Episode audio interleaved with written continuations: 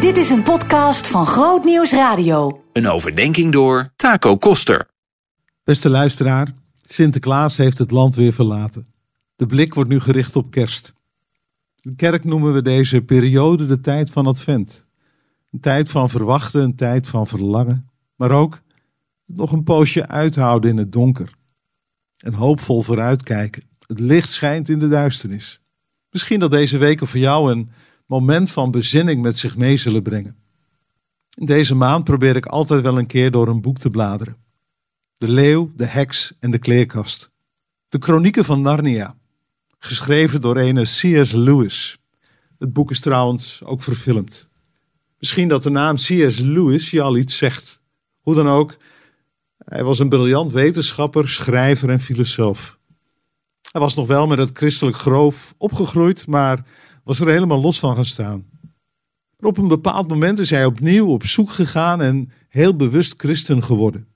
Hij omschrijft die stap als surprised by joy, verrast door vreugde. Hij heeft scherpzinnige en diepgaande boeken geschreven over het christelijk geloof.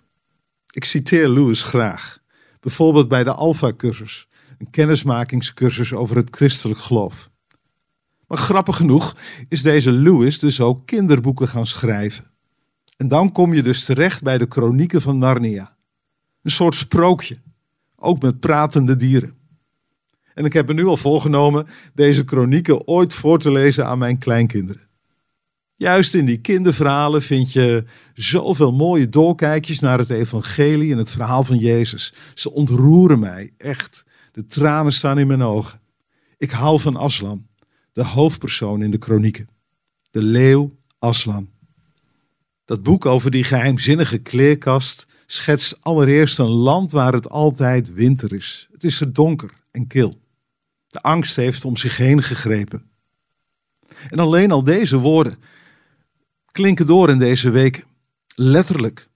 De donkere weken voor kerst, maar nog veel meer figuurlijk. Kil, angstig. Ik herken dat wel. Ik kan dan wijzen op alle donkere wolken die we boven deze wereld zien hangen.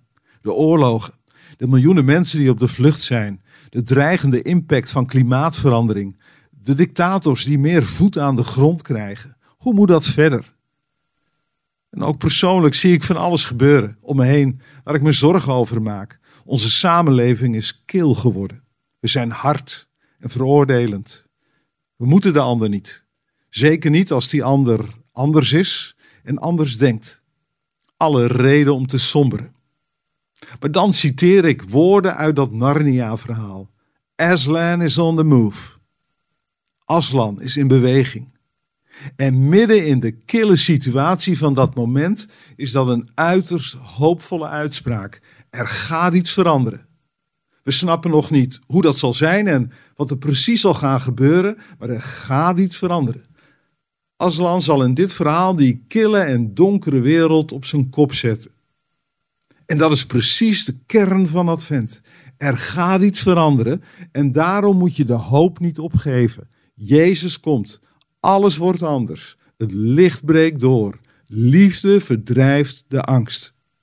Klinkt dat voor jou als wensdenken in de oren? Ergens begrijp ik dat ook wel. Maar ik wil me er koppig aan vast blijven houden. Aslan is on the move. God beweegt in deze wereld en we zijn op weg naar Zijn toekomst. Ook als alles hulpeloos lijkt, wil ik me daaraan optrekken. God laat deze wereld niet los. God zet deze wereld op zijn kop. Dat is Jezus. Licht in de duisternis.